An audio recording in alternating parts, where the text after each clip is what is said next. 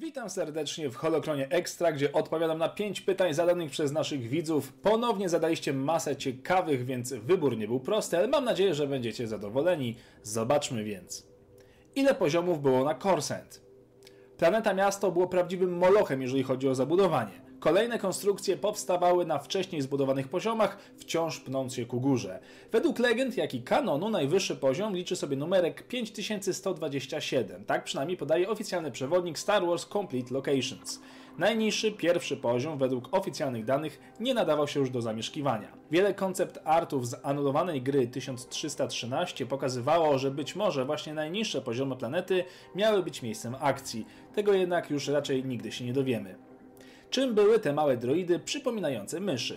Sławne Mouse Droids, a dokładniej MSE-6, były bardzo popularnymi droidami, szczególnie na pokładach gwiezdnych niszczycieli czy stacji bojowych, takich jak Gwiazda Śmierci. Ich zadaniem były drobne naprawy, patrolowanie określonego obszaru, sprzątanie czy dostarczanie pomniejszych wiadomości.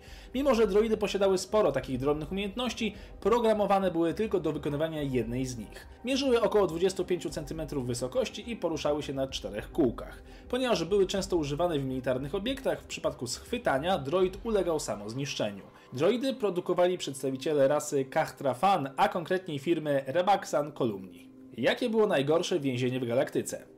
Ciężki wybór, bowiem kopalnie na Kessel czy więzienie na Dontamo pretendują do miejsc wyjątkowo trudnych do przeżycia, to jednak osobiście wybieram tzw. Tak The Prism, zwany też Ghost Prison, tudzież widmowym więzieniem. Utworzone przez Radę Jedi, ukryte przed praktycznie wszystkimi, miało trzymać w ryzach najbardziej niebezpieczne jednostki. Ukryte w systemie Diab wprost w cieniu masy szóstego księżyca planety. Dotarcie do niej bez odpowiednich koordynatów graniczyło z cudem.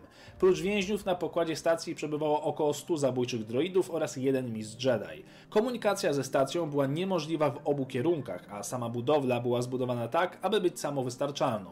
W okresie wojen klonów w szeregi więźniów trafiło wielu przeciwników Anakina Skywalkera, który zresztą wrócił do widmowego więzienia po wielu latach, jednakże już jako Lord Vader. I dla nikogo z jego byłych znajomych nie skończyło się to dobrze. Więcej dowiecie się z komiksu Darth Vader i widmowe więzienie. Czy byli Jedi, którzy mieli żony? Oczywiście przynależność do zakonu nie pozwalała ich członkom na zawieranie związków małżeńskich, to jednak było parę wyjątków. Mistrz Kiadimundi ze względu na swoją rasę miał pięć żon oraz siedmioro dzieci.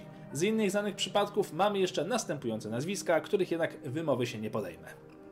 Bywali oczywiście Jedi, którzy popadali w sidła miłości, ale nie kończyło się to dla nich ślubem. Wręcz przeciwnie, najczęściej kończyło się śmiercią. Kto zbudował świątynię Jedi na Coruscant? Za inicjatywę zbudowania świątyni odpowiedzialnych jest tzw. Tak czterech mistrzów, pradawnych członków zakonu, którzy rozpoczęli budowę na 4000 lat przed panowaniem Imperium Galaktycznego. Świątynię budowano setkami lat, wciąż ją powiększając. Miała ona zastąpić tą, która została zniszczona na planecie Osus. Pomniki czterech mistrzów możecie zobaczyć w filmie, dwóch mistrzów wojowników oraz dwóch mistrzów mędrców. To wszystko na dzisiaj, dzięki za oglądanie, zadawajcie kolejne pytania i niech moc będzie z Wami.